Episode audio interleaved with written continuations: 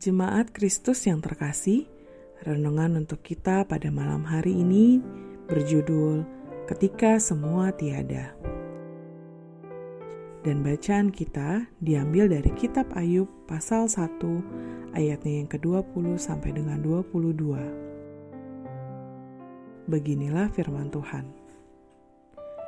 Maka berdirilah Ayub lalu mengoyak jubahnya dan mencukur kepalanya Kemudian sujudlah ia dan menyembah, katanya. Dengan telanjang aku keluar dari kandungan ibuku. Dengan telanjang juga aku akan kembali ke dalamnya. Tuhan yang memberi, Tuhan yang mengambil. Terpujilah nama Tuhan. Dalam kesemuanya itu, Ayub tidak berbuat dosa dan tidak menuduh Allah berbuat yang kurang patut. Seorang pengusaha persewaan tenda dan alat pesta mendapat pesanan kursi VIP dalam jumlah besar. Ia begitu bersyukur karena ketika itu sedang sepi order. Demi pelanggan, ia rela menyewa kursi dari sesama pengusaha persewaan sebab ia tidak memiliki kursi sejumlah yang dipesan. Siapa sangka jika penyewanya ternyata kawanan pencuri? Kursi-kursi senilai 200-an juta itu raib dibawa kabur dalam hitungan jam. Dalam waktu satu hari, Ayub kehilangan harta benda sekaligus anak-anaknya.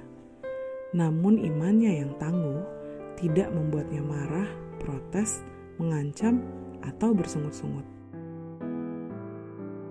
Kesedihan disikapinya dengan mengoyakkan jubah, mencukur kepala, dan sujud menyembah Allah ia mengucapkan sebuah pengakuan iman. Tuhan yang memberi, Tuhan yang mengambil, terpujilah nama Tuhan. Respons Ayub ini didasari kesadaran bahwa segala yang ada padanya adalah pemberian Tuhan. Ia patut merelakan sewaktu-waktu Tuhan mengambil kembali.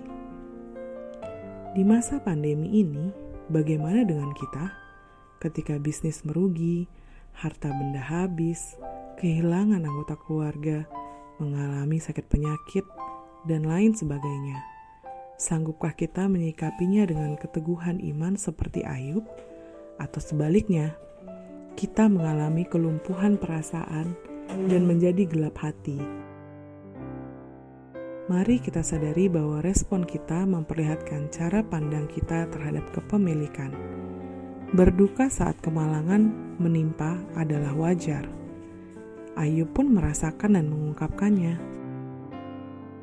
Namun, iman yang tangguh akan membuat kita menyadari bahwa segala yang kita miliki adalah titipan milik Tuhan. Tuhanlah satu-satunya harta sejati yang patut kita jaga selamanya.